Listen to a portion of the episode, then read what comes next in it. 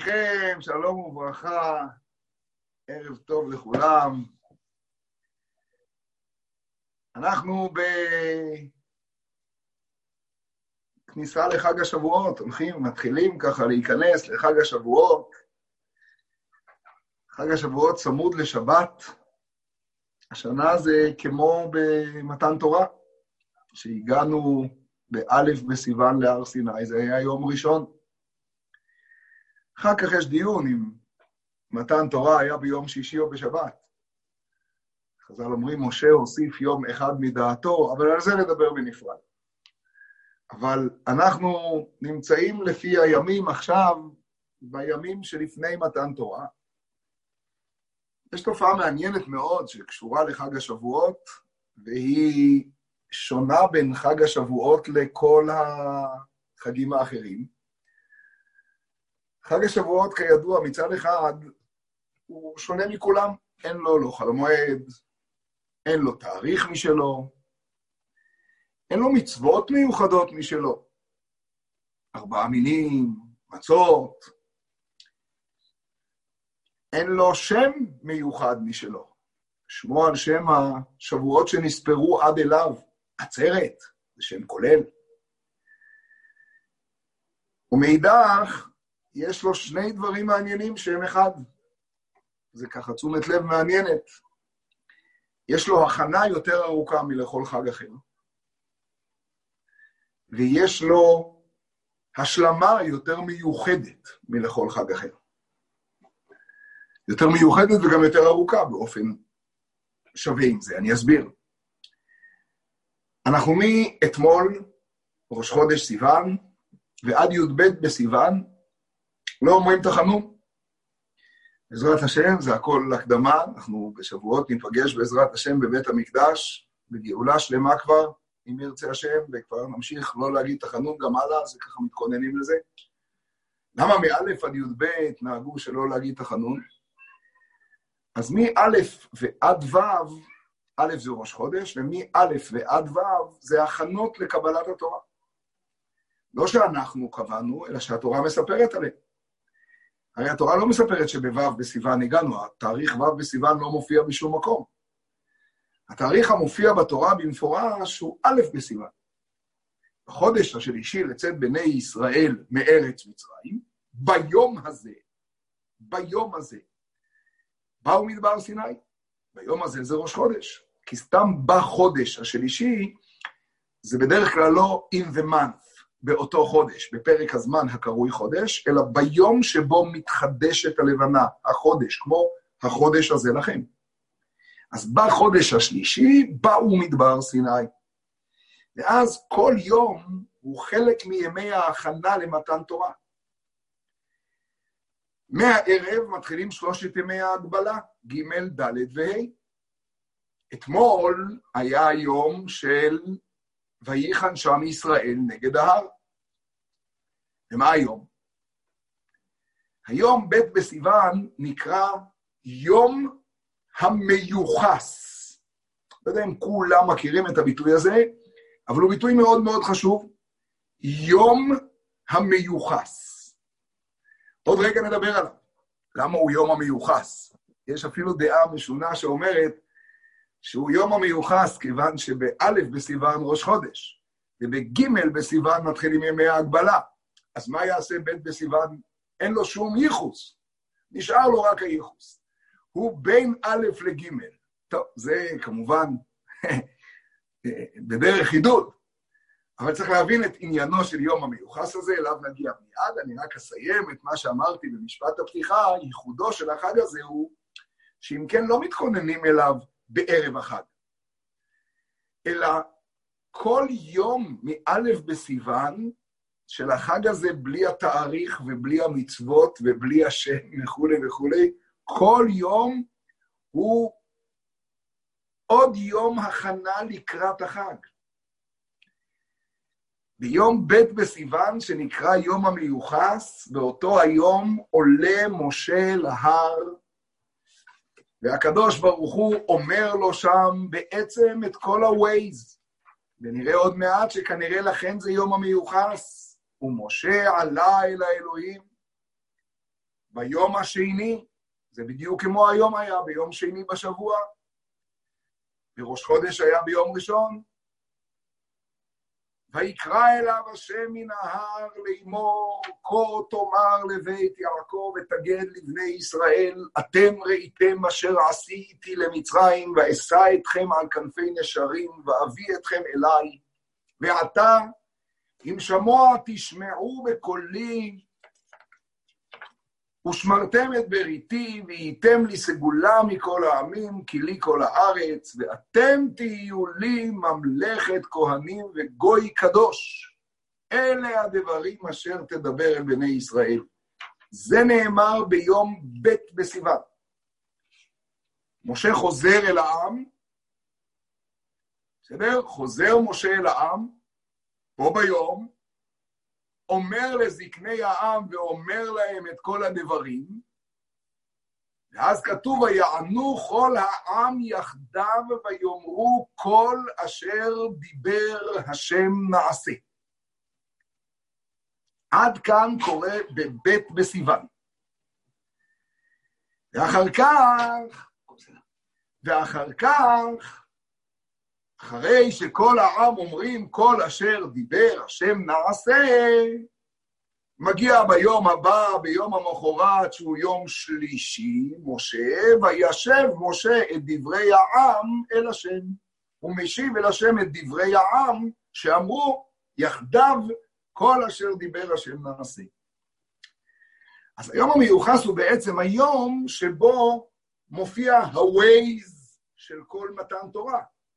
ה-Waze של כל מעמד הר סיני, בעצם ה-Waze של התפקיד של העולם שלנו מרגע קבלת התורה במעמד הר סיני. מהרגע הזה ואילך, אתם תהיו לי ממלכת כהנים וגוי קדוש, סגולה מכל העמים. לא עדיין פרטים שלא תרצח ולא תנאף, לא עדיין פרטים בתוך עשרת הדיברות ובחלל התורה, אלא מהלך כללי. נו, אז למה זה נקרא יום המיוחס? אז בעל ארוך השולחן למשל אומר, בגלל שביום הזה יוחסנו משאר האומות, כשהוגדרנו ממלכת כהנים בגוי קדוש. זה היום שבו יוחסנו, נהיינו מיוחסים מן האומות, שונים, אחרים. מפרשים אחרים קשה להם עם הפירוש הזה, כי זה לא ייחוס. ייחוס בא לתאר משהו שהוא אה, קשור לאיזשהו גן, ייחוס. זה ייחוד, אנחנו מיוחדים יותר. אנחנו עוד נחזור מיד ליום המיוחס הזה, ננסה להבין אותו, ממלכת כהנים וגוי קדוש. פתחתי את הכל בהתחלה בזה שחג השבועות מיוחד בהכנה שלו, הוא מיוחד גם בסיום שלו. כי אמנם הוא רק יום אחד, אבל אחריו מתחילים שבעת ימי תשלומים.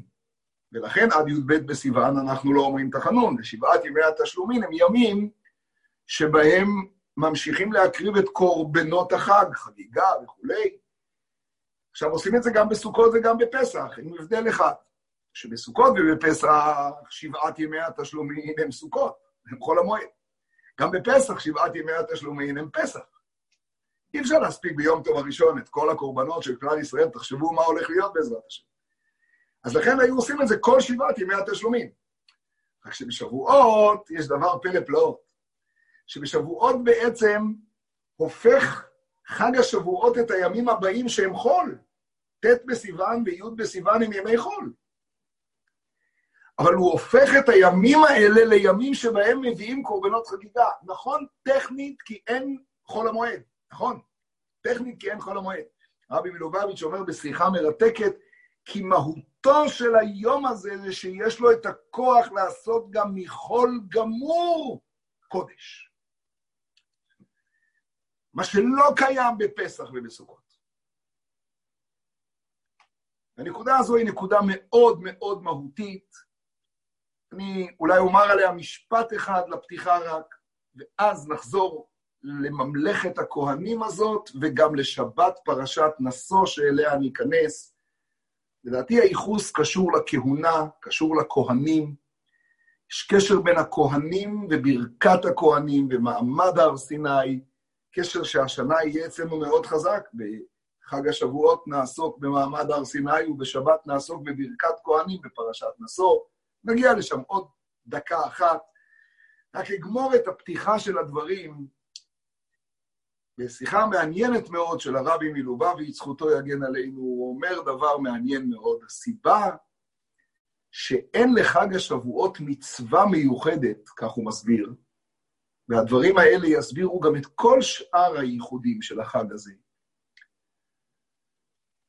ומפני שבכל חג מתואר משהו מסוים שהתרחש. יצאנו ממצרים, ישבנו בענני כבוד, היינו בסוכות, ניצחנו את היוונים, מצאנו שמן במקדש. מה קרה בחג השבועות? קיבלנו מצוות? קיבלנו גם לפני כן. מה קרה בחג השבועות? בחג השבועות קיבלנו בחרת. הבחירה, הבחירה העצמותית של הקדוש ברוך הוא בישראל. הקפה עליהם הר כגיגית שהופך את ישראל ואת התורה ואת הקדוש ברוך הוא לאחד.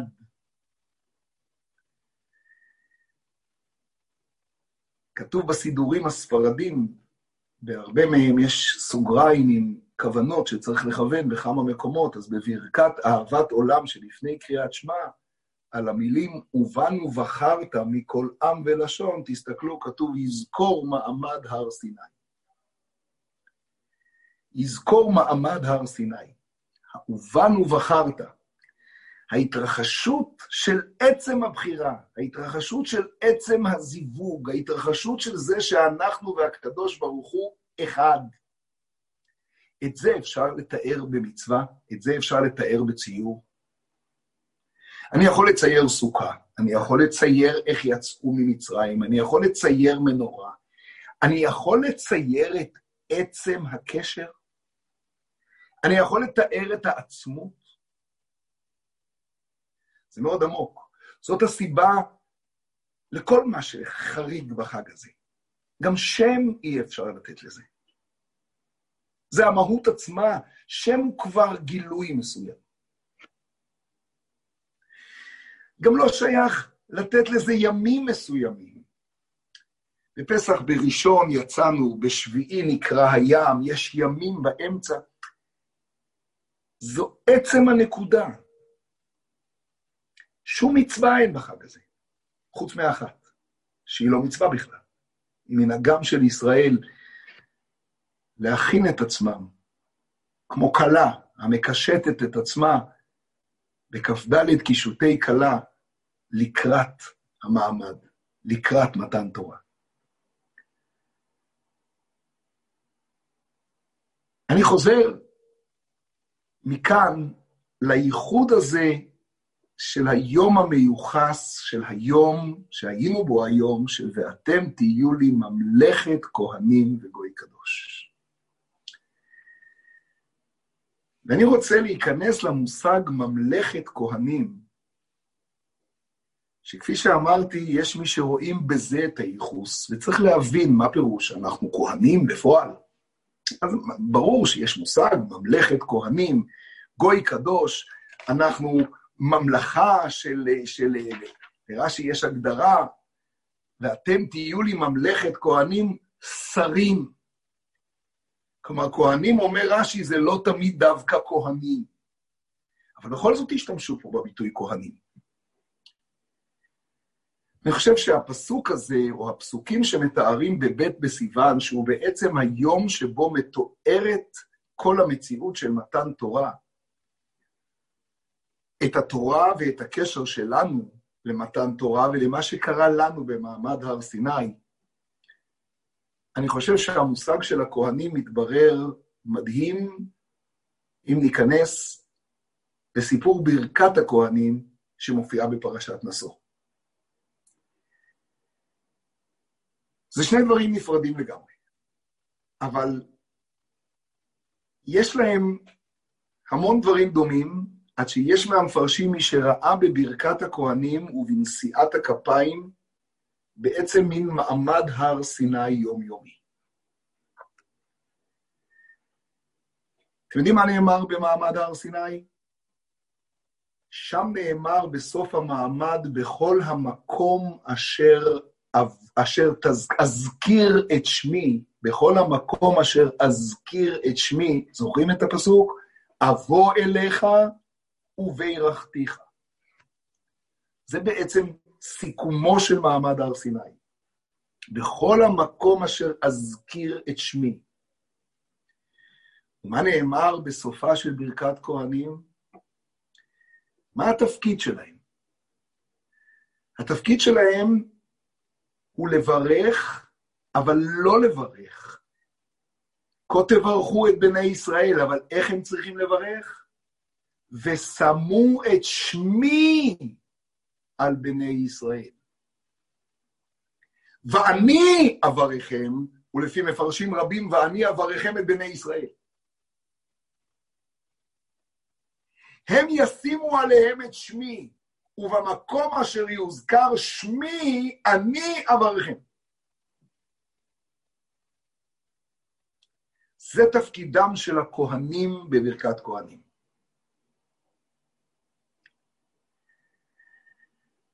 לברכת כהנים ולעשרת הדיברות, יש דמיון בנקודה מעניינת מאוד, שהיא צדדית לגמרי נראית, לגמרי לגמרי צדדית, ואני רוצה לרגע אחד ללמוד אותה ביחד בעיון בפסוקים. שאלה שנראית נורא פשוטה, אבל בואו נראה אם אנחנו זוכרים. איך מתחיל עשרת הדיברות? נו, חג השבועות, אז איך מתחיל עשרת הדיברות? אנוכי, אני יודע אנוכי. אבל לפני אנוכי. איך מתחיל הפסוק הראשון של עשרת הדיברות? וידבר אלוהים. את כל הדברים האלה לאמור. אנוכי השם אלוקיך. ובמקום לדבר על עשרת הדיברות ועל אנוכי, אני רוצה לדבר על מילה אחת קטנה פה, שהיא קשה מאוד, רש"י לא מבין אותה, מפרשים דנים בה. וידבר אלוקים, הבנתי, את כל הדברים האלה הבנתי לאמור. מה הבעיה במילה לאמור? יש חמישים אלף פעם את המילה לאמור בתורה, מה אתה רוצה מלאמור? לאט לאט. כשכתוב ויאמר השם אל משה לאמור, דבר אל בני ישראל ואמרת עליהם ועשו להם ציצית, בסדר? כל פעם כשכתוב לאמור, מה פירוש לאמור? בפשטות. לאמור פירושו שהוא יאמר לאחרים, נכון? ויאמר השם אל משה במטרה של לאמור. מצוין. לפי זה, צריך להבין את המילה פה. הפירוש שהוא יאמר לאחרים, זה מה שחז"ל מסבירים, כמו שראינו בתורה, בסוף פרשת כי תישא יורד משה עם הלוחות השניים, כל ישראל רואים שקרן אור פניו, זוכרים?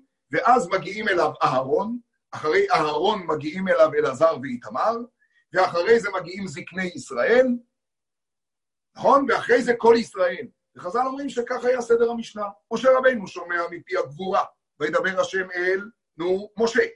ואז משה רבנו בא, אהרון נכנס אליו, והוא אומר לו את הדבר. אחרי שאהרון שומע, אהרון יושב לימינו של משה, ואז נכנסים אלעזר ואיתמר, והוא אומר להם, לאמור. אהרון יצא ששמע עכשיו פעם שנייה.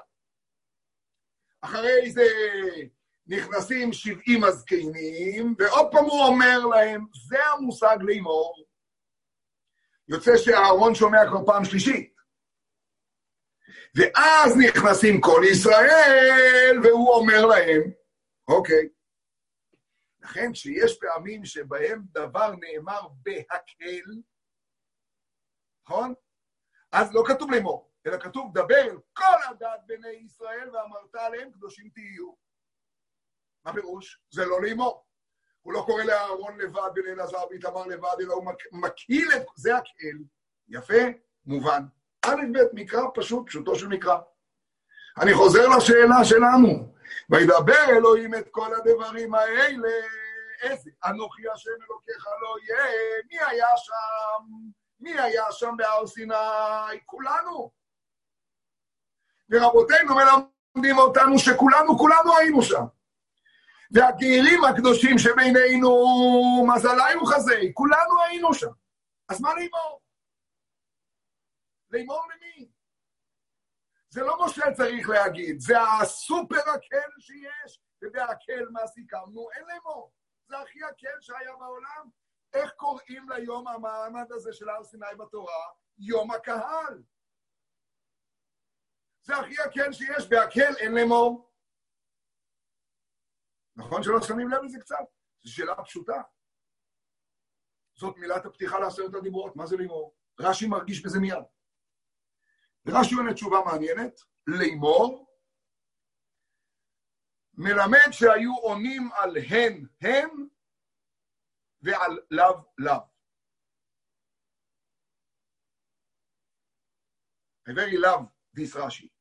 על הן הן ועל לאו לאו.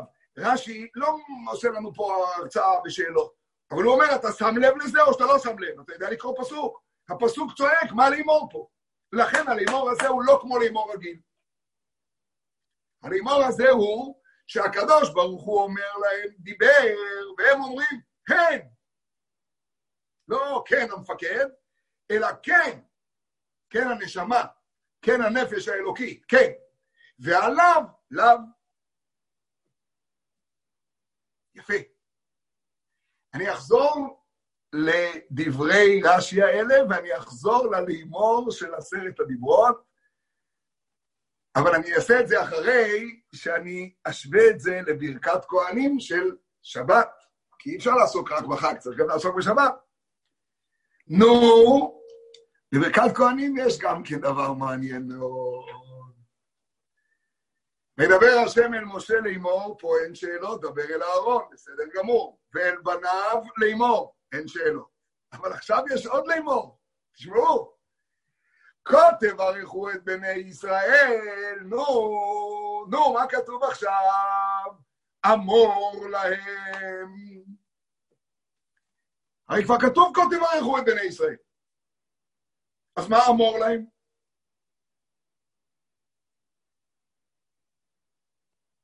זו שאלה דומה, זה שני דברים אחרים, אבל זו פתיחה מעניינת מאוד. מה אמור להם?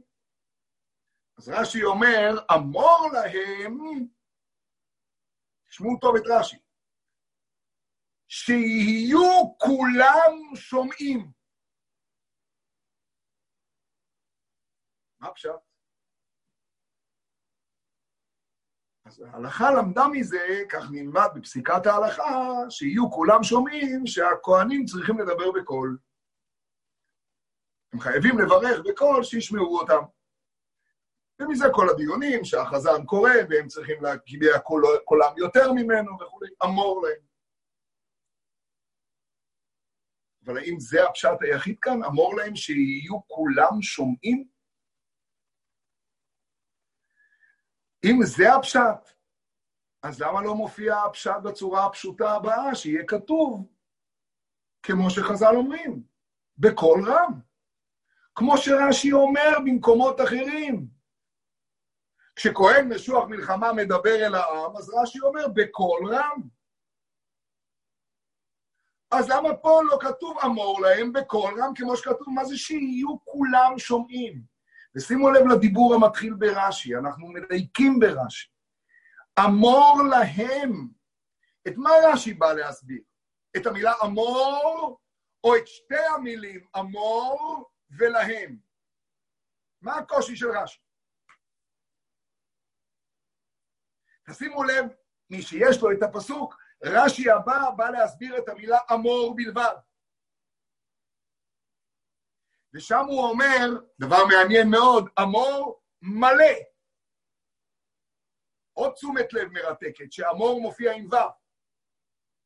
ושם הוא לומד לימוד מעניין, לא תברכם בחיפזון ובבהילות, אלא בכוונה ובלב שלם.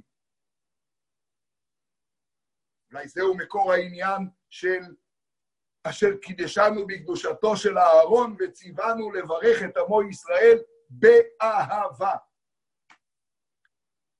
אבל מה הפירוש של אמור להם שיהיו כולם שומעים? אני מסכם את שתי השאלות שלנו. הראשונה קשורה לעשרת הדיברות, קושייה חזקה מאוד מאוד, וידבר אלוקים את כל הדברים האלה לאמור. כנראה שהלימור הזה קשור למה שקורה במעמד הר סיני לכולנו. צריך להבין אותו. פה אמור להם שיהיו כולם שומעים. המשותף לשני המקומות בהבנתו של רש"י היא מרתקת. מי שמתבונן היטב באמור להם, זה ניתוח פשוט ברש"י, גם פה הרבי בשיחה מפרק אותו, אבל זה ניתוח פשוט מאוד ברש"י. רש"י עוסק בבעיה בפרשנות של הפסוק. הפסוק הוא קשה. מצד אחד כתוב אמור להם, אמור להם. ומיד אחר כך כתוב יברכך.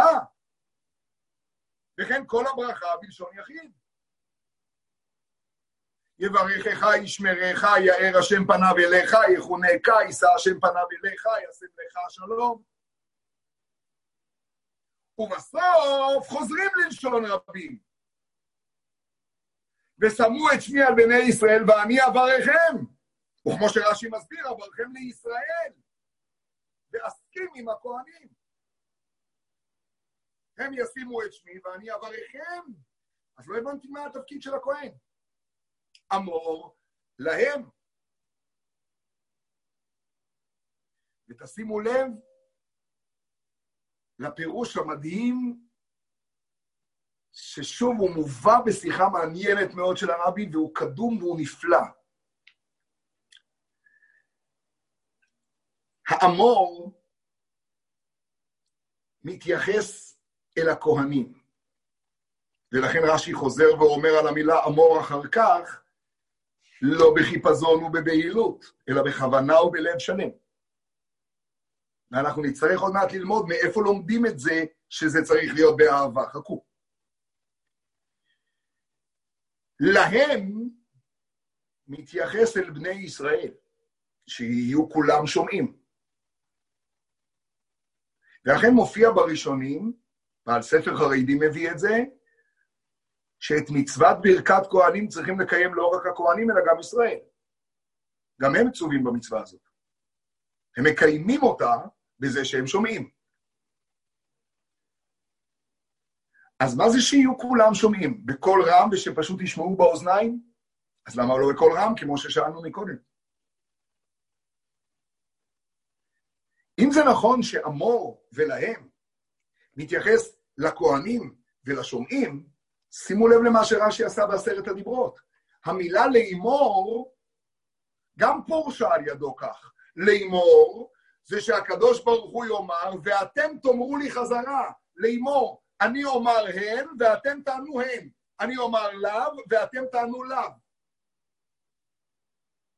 גם פה, הכהנים יאמרו, ואתם מה תצטרכו לעשות? ויהיו שומעים, מה? כלומר, הם צריכים לפעול איזושהי פעולה, מה?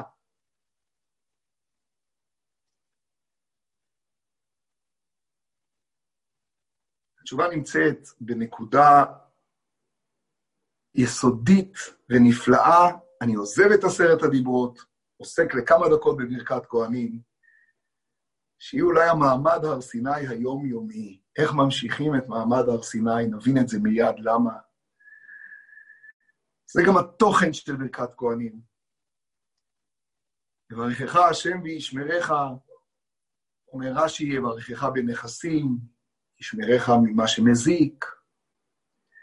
איך הוא מסביר? יאר השם פניו אליך ויחונקה, יאר השם פניו אליך ויחונקה, אומר רש"י, יראה לך פנים שוחקות. יראה לך פנים. כל מעמד הר סיני, זה בעצם היה, וכל העם רואים והם לא יכולים לעמוד במה שהם רואים. במדרש כתוב, לא יראה לך פנים שוחקות, אלא יאר השם באור תורה. ויחונקה מלשון חונני השם בתפילה. יש שאלה גדולה על ברכת כהנים. לכאורה, ברכת כהנים לא מופיעה פה פעם ראשונה. את השאלה הזו אפשר היה לשאול אחרת. מה מחפשת פה ברכת כהנים בפרשת נשוא? למה היא קשורה בכלל? היא מופיעה אחרי פרשת נזיר, אחרי פרשת סוטה, אחרי וידוי בתוך כל המפקדים והמחנות והדגלים, ולפני הנשיאים המקריבים את קורבנותיהם, מה עושה פה מצוות ברכת כהנים? והשאלה הזו היא כפל כפליים קשה. הרי ברכת כהנים נאמרה כבר על ידי אהרון הכהן בפרשת שמיני ביום חנוכת המשכן. בפרשת שמיני נאמר מפורש שאהרון סיים לעשות את הפעולות שלימד אותו משה רבינו לעשות, בפרק ט', בפרשת שמיני, בפסוק כ"ב, ויישא אהרון את ידיו אל העם.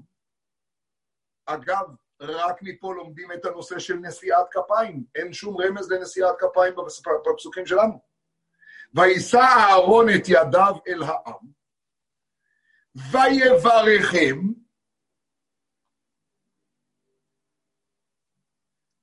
וירד מעשות החטאת והעולה והשלמים. הוא היה על המזבח והקריב את קורבנות יום השמיני, יום חנוכת המשכן, ואז הוא נשא את ידיו אל העם, בירך אותם. מה הוא בירך אותם? אומר רש"י שם ברכת כהנים. ורש"י מפרט, יברכך יאר יישא. אז למה שם לא הופיע הנוסח של ברכת כהנים? ואיך הוא ידע מה לברך, אם זה מופיע פה? אז זה לא רק שאלה מה זה עושה אצלנו בפרשת נשוא. שהרי לא נכתב בפרשת נשוא כדי שיהיה לנו הסבר ווורט על ממלכת כהנים של שבועות. למה זה נכתב בפרשת נשוא? מה זה קשור? מה זה עושה שם ליד נזיר וסוטה ומפקדים ודגלים? שם בפרשת שמיני זה בדיוק המקום, שם בחנוכת המשכן. ושם גם מופיעות ההלכות, ויישא אהרון את ידיו. אז במקום ששם רש"י יגיד מה ברכם ברכת כהנים, עיין במדבר בפרק זה בפרשת נשוא, ש... לשם מה, מה, מה זה החלוקה? מה כתוב פה? הדבר היותר מוזר, לפי הפסוק יוצא שאהרון בירך ברכת כהנים כשהוא על המזבח. כי הרי אחרי זה כתוב ויברכם, וירד מעשות החטאת והעולה והשלמים. זה לא המקום שמברכים ברכת כהנים, ברכת כהנים מברכים על הדוכן. מה היה שם? אומר הרמב"ן, זה הפלא ופלא.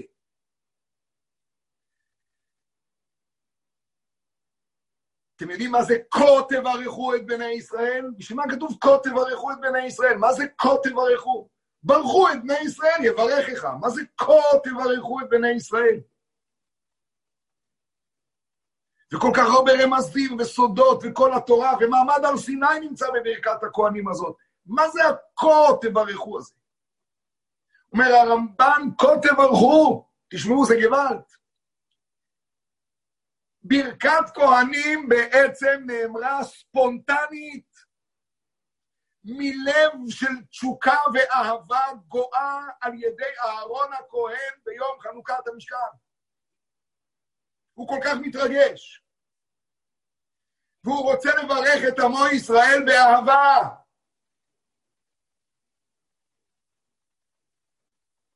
באהבת השם אותם ובאהבתו שלו אותם. כי קדושתו של אהרון זה אהבת ישראל, אוהב את הבריות ומקרבן לתורה. זה קדושת אהרון מתלמידיו של אהרון. ומיוצמו, מיוזמתו, הוא מברך. תשמעו, זה פלא פלאות. ומה הוא מברך? מה שיוצא לו מהבטן. מהבטן. מהשכינה הוא מדבר את מגרונו. מה, מה, דבר השם היה בי. ומילתו הלשוני. ומה שיוצא לו זה המושגים הבאים, יברך איך השם וישמרך, יאר השם פניו אליך ויחונקה וכולי. כך הוא ברך. הוא לא אמר אמור להם, והוא לא אמר ושמו את שמי, הוא בירך את הברכה. זאת האהבה שבה בירך הכהן הראשון את הברכה. זאת קדושתו של אהרון. אהרון ספציפי, שעמד עוד מעל המזבח, בכלל לא מתוכנן, באהבה, הוא לא ירד לדוכן כדי לברך. הוא נשא את ידיו. כמו שמוסבר בספרים הקדושים, הוא נשא את ידיו, הוא המשיך את שם השם, הוא נשא את ידיו.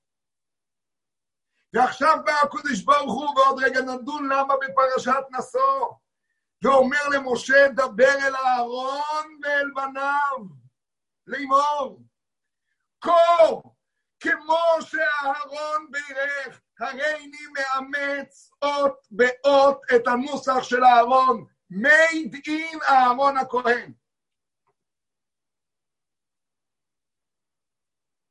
ואני מאמץ את הנוסח. וכה תברכו את בני ישראל, אמור להם.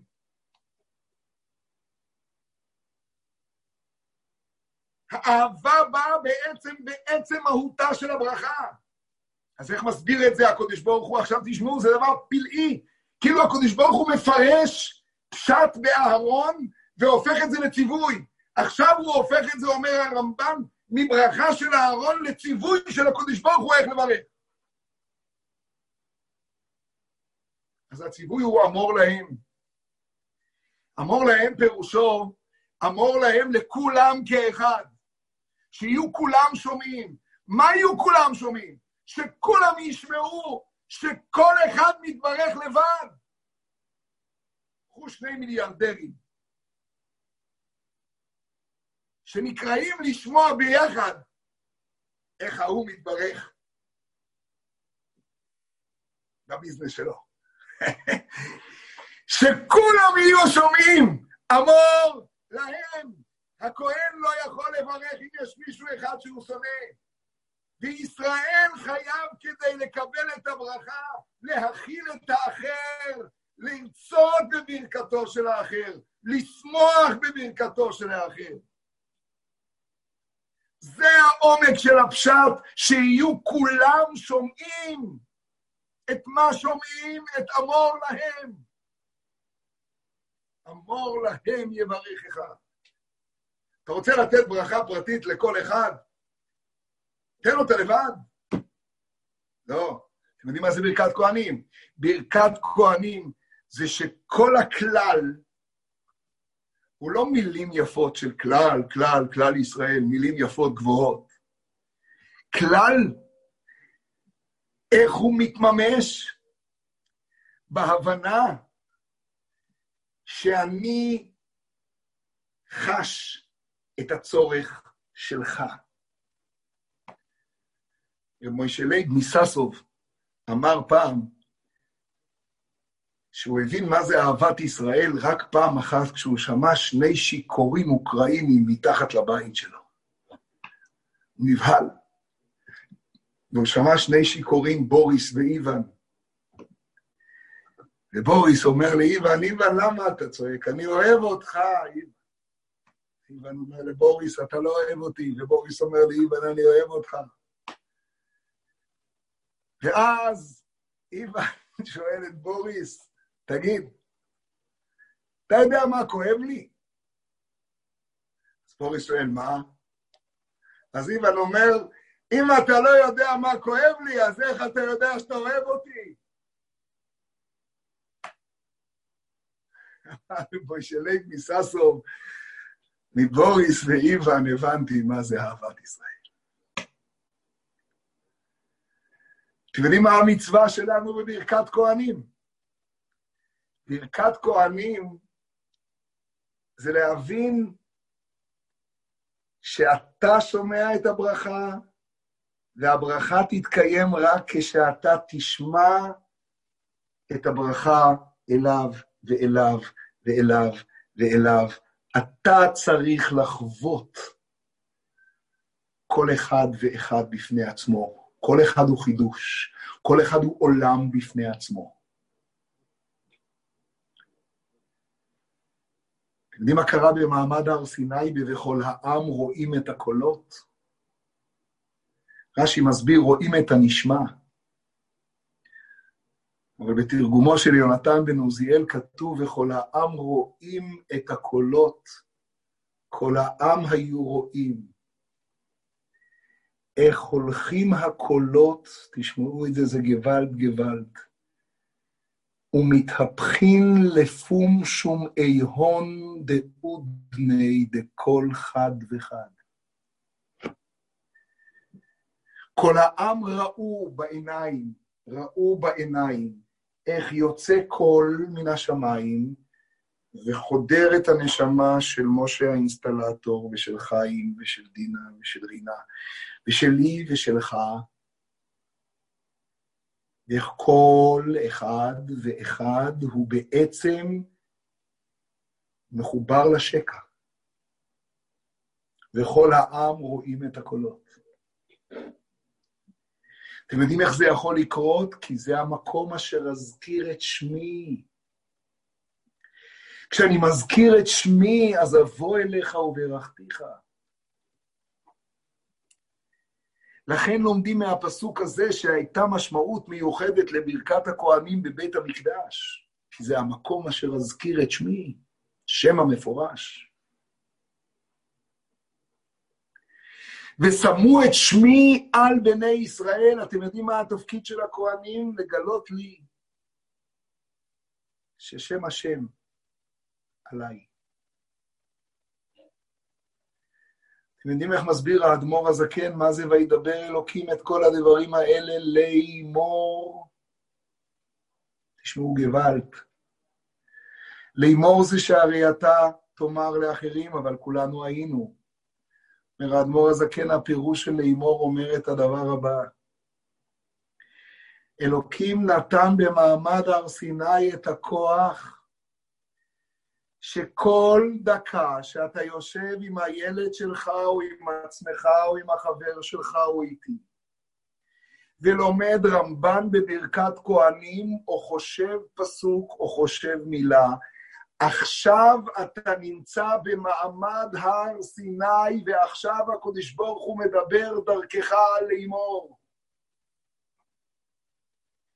מה שעכשיו מגיע אליך הוא לא איזה שיעור מסודר עם הברקות, עם תכנים, עם התחלה ועם סוף ועם אמצע, אלא עכשיו דבר השם עובר דרכך. וידבר אלוהים את כל הדברים האלה כדי שהם יהיו כל שנייה ושנייה בבחינה של לאמור. כמו שהקדוש ברוך הוא מדבר אל משה לאמור, כדי שהוא יעביר מפי הגבורה אל אהרון. כך כשאתה היית במעמד הר סיני, יש לך כוח להעביר מפי הגבורה אליי, ולי מפי הגבורה אליך.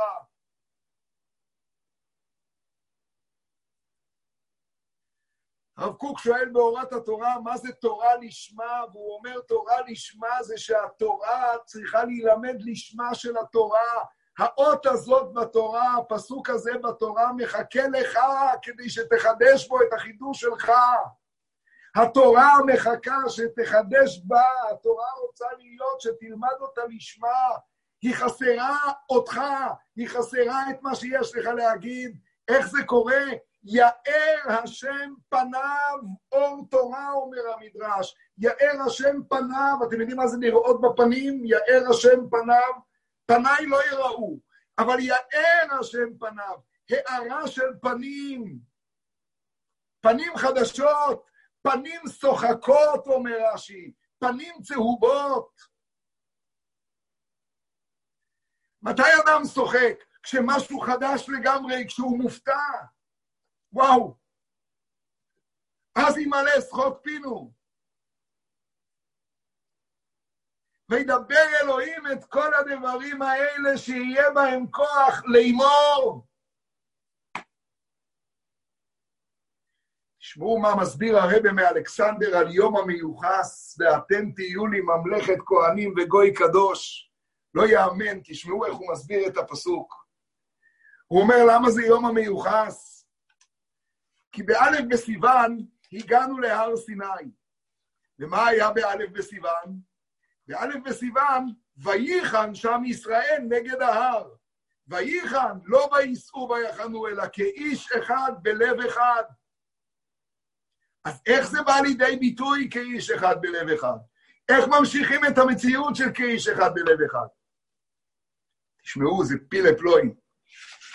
ביום השני עולה משה אל האלוקים, והוא אומר לו, כה תאמר לבית יעקב אתגד מבני ישראל, ואתה, ואתם ראיתם אשר עשיתי ואשא אתכם על כנפי נשרים, תשמעו את המילים, ואביא אתכם אליי.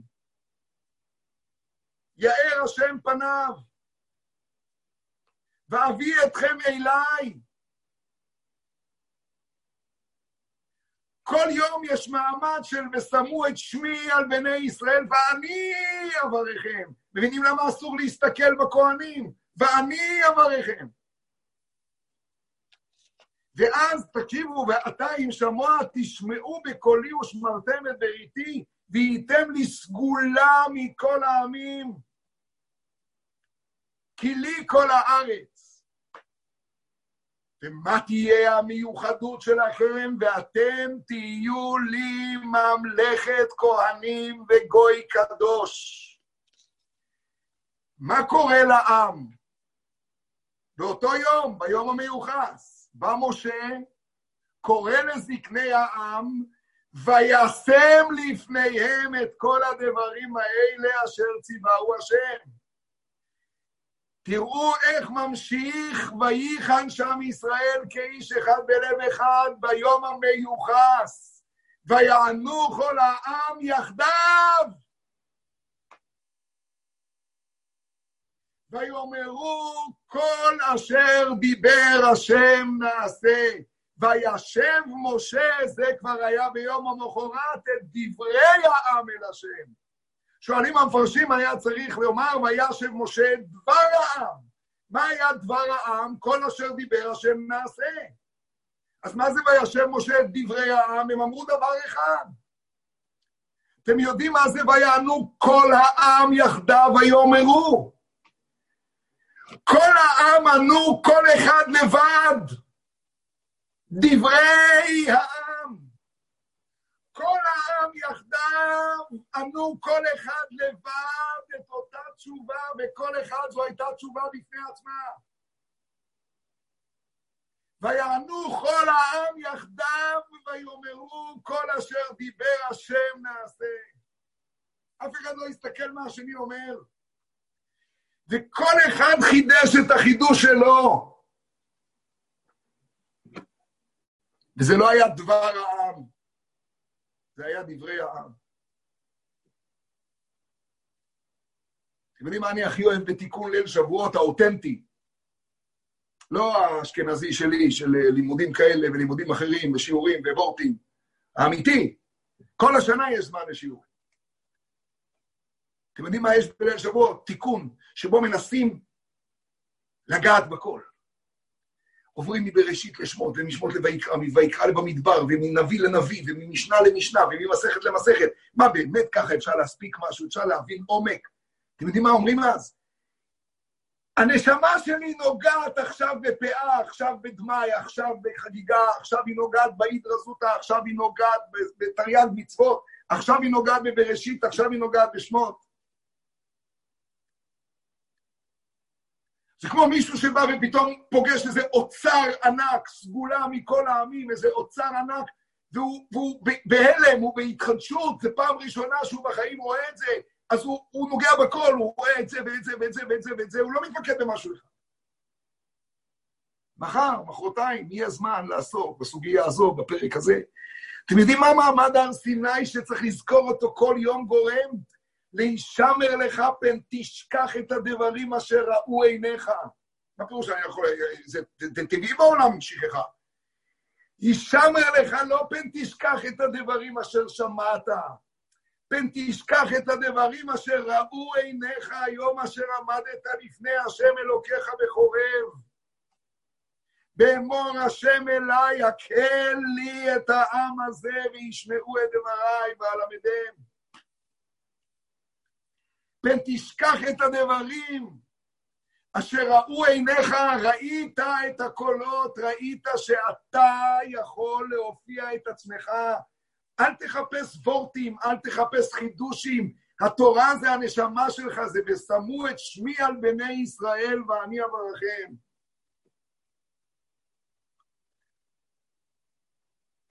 זה כל כך עמוק. חז"ל אומרים שכל התורה זה שמותיו של הקדוש ברוך הוא. זה יאר השם פניו אליך ויחונקה. אפשר להתיישם בתורה, חס ושלום. אפשר, בסדר, פה, שם. ואפשר לא חידושי, מה שנקרא. לא, לא, בכלל לא זה, זה, זה חיצוני כל כך. לחוש. אמור להם. התורה האחת הזאת מדברת אל כל אחד ואחד, וכאן הנקודה, ואל כל אחד ואחד בכל נקודה ונקודה, בנקודה הפנימית שלו. זה כל כך נפלא שהתורה הזאת אחרי זה מגיעה בלוחות שניים לעם של אחרי החטא. היא מדברת אליי במקום שלי, יאר השם פניו אליך, אליך ויחונקה.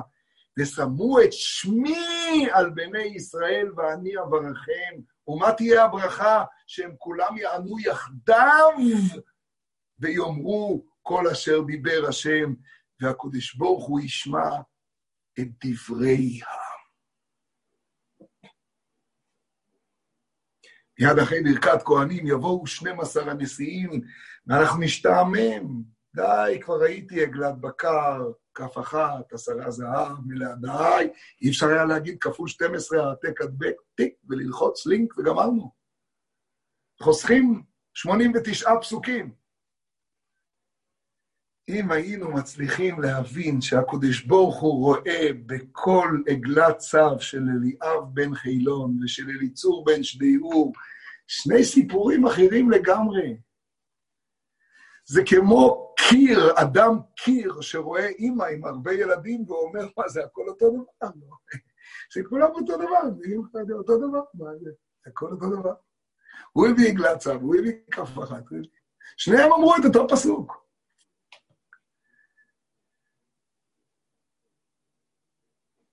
ובאנו בחר מכל עם ולשון. זה עכשיו מתרחש לאמור, אמור להם. אני חוזר להתחלה ובזה עוצר. יום המיוחס, אתם יודעים מה זה יום המיוחס? זה היום שבו כולנו ענינו יחדיו. כך אומר הרבי מאלכסנדר. זה היום שבו כל אחד מאיתנו הבין שכל אחד מאיתנו מיוחס. זה היום שבו כל אחד תפס את מה שהכוהנים מנסים לתפוס ולהחדיר בנו. זה היום שבו נאמר לנו להיות ממלכת כהנים, ואנחנו ענינו יחדיו. והקדוש ברוך הוא שמע את דברי העם. שמו את שמי על בני ישראל ואני אברכם. וכל רגע ורגע, וכל שנייה ושנייה, וכל אדם ואדם, וכל אדם ואדם, וכל מצב ומצב. המעמד הר סיני הזה חקוק בו והופך אותו ללימור. עכשיו אתה מעביר את זה מפי הגבורה. עכשיו אתה שומע את זה מפי הגבורה. זה ללמוד את התורה באימה וביראה וברטט ובזיע שמופיע על מעמד הר סיני. זה לעמוד בהר סיני, בהכנעה של הר סיני, ולהבין שום דבר לא ממני. כל מה שיש לי זה רק שהקדוש ברוך הוא שם את שמו, ואז אבוא אליך וברכתיך. וההתחדשות והמציאות יכולה לקבל את האור גם כשחושך לך. והאור הזה מופיע מהתורה הזו, שהיא כל הזמן מפקה, שהיא כל הזמן מתחדשת. זה יום המיוחס. היום שבו כל אחד תפס שההוא שלימינו או לשמאלו הוא מיוחס לא פחות מאף אחד אחר, ודאי לא פחות ממנו. כי הייחוס הוא שהקודש ברוך הוא מדבר אליי, ושם את שמו עליי. ולכן אנחנו נוכל לקבל את הברכה רק כשנקלוט שכולם שומעים. שאני שומע שגם אתה מתברך. כי אז לא יהיה רגע שבו אני כבר אתיישן, אני כבר אשתעמם, אני כבר אגיד את אותו דבר או את אחרת, כי אז התורה תפקה כל שנייה מחדש. בזה פתחנו. לחג השבועות אין מצווה. לחג השבועות אין תאריך. את חג השבועות אנחנו מייצרים. אנחנו סופרים לקראתו. לספור לקראתו זה להגיע לשלב הזה, להבנה, לתובנה בנפש, שאני עכשיו יכול לקבל את התורה מחדש. שאני עכשיו, במקום שאני נמצא,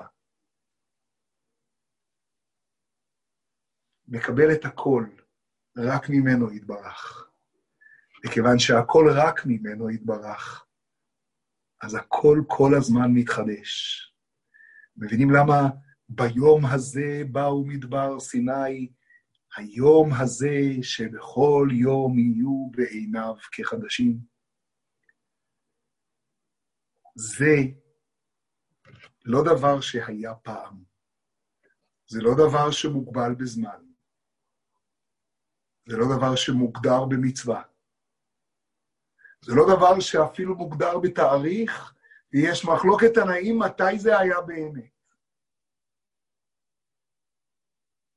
זה דבר שכדי להיכנס אליו, בכל יום ויום אנחנו מברכים לפני שאנחנו עוסקים בתורה, לפני שאנחנו מתחילים את יומנו, אשר בחר בנו מכל העמים ונתן לנו את תורתו. זה יום המיוחס. אני לא קשור לתורה כי אני מיוחס, כי אני מבין, אלא כי הוא בוחר בי, ברוך אתה, השם נותן התורה. הוא בוחר בי והוא בוחר בי, וממילא לי ולכל אחד, וכל עוד אני לא אדע שכולם שומעים, וכל החלקים שלי יכולים לשמוע. ואם משהו לא שומע, זה כי משהו בי תקוע.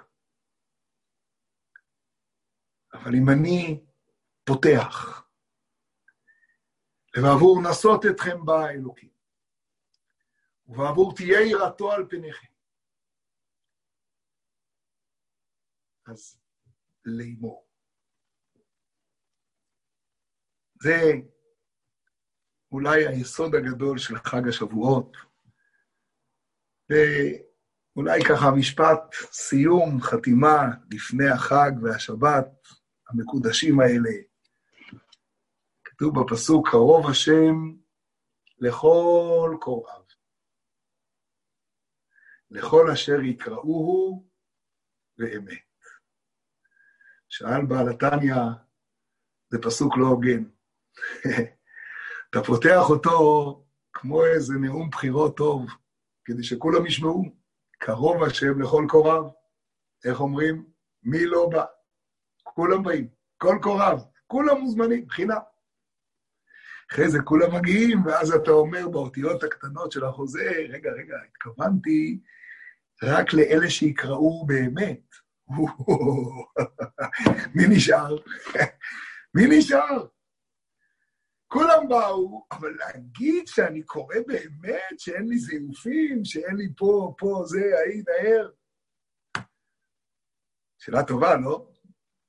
אומר האדמו"ר הזקן, זה גוואלד. קרוב השם לכל קוראיו. לכל אשר יקראו באמת, באמת זה כמו בית במעדר, בפטיש. איך קוראים לו? איך קוראים לו? תתה! איך קוראים לו? אני אגיד לך איך קוראים לו. אתה יודע איך קוראים לו? בעברית, לקרוא, to call, ולקרוא, to read, זו אותה מילה.